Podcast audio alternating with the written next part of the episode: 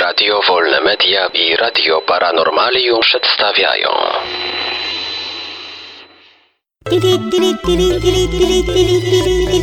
Dziwne informacje.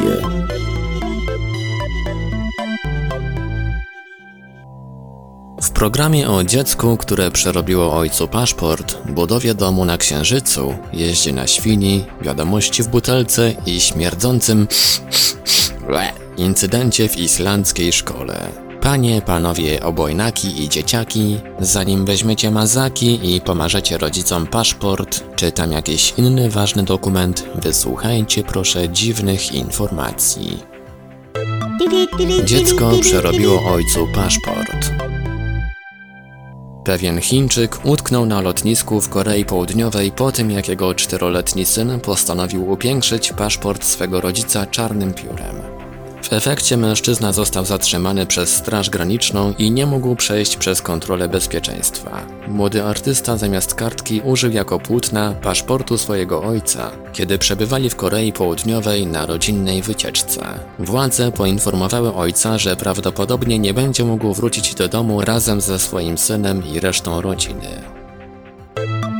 Artysta chce wysłać na księżyc dom.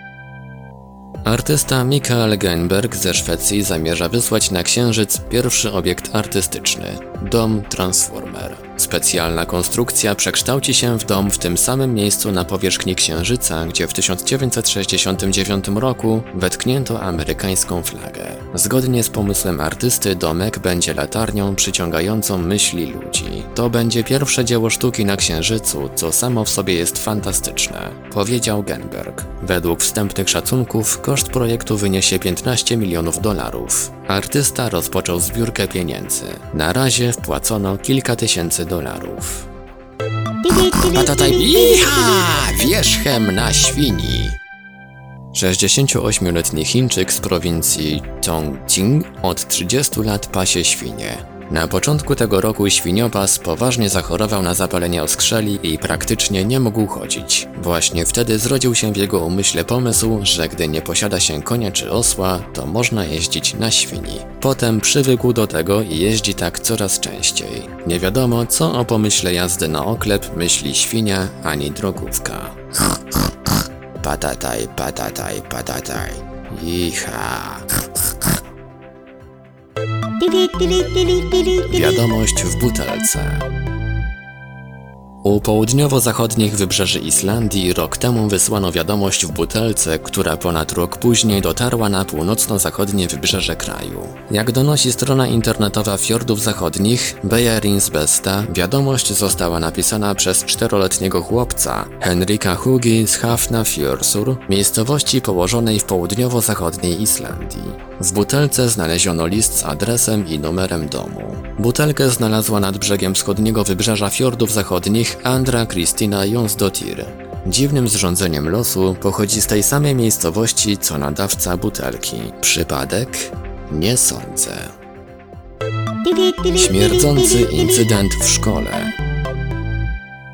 Grupa dzieci ze szkoły podstawowej w miejscowości Gerthur na Islandii podczas przerwy na lunch padła ofiarą przykrego w skutkach zdarzenia. Podczas oczyszczania szamba mężczyzna obsługujący beczkowóz stracił panowanie nad wężem i opryskał wszystkie dzieci fekaliami.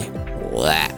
Przedstawiciele szkoły i władze lokalne niechętnie komentują zajście. Podkreślają, że był to nieszczęśliwy wypadek, który wydarzył się z powodu błędu ludzkiego. Jeden z urzędników, który chciał pozostać anonimowy, skomentował to zdarzenie mówiąc You know, shit happens. Jedno jest pewne.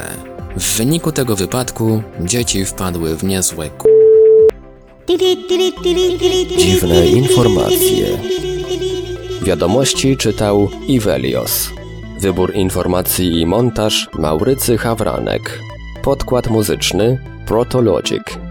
Produkcja Radio Wolne Media i Radio Paranormalium.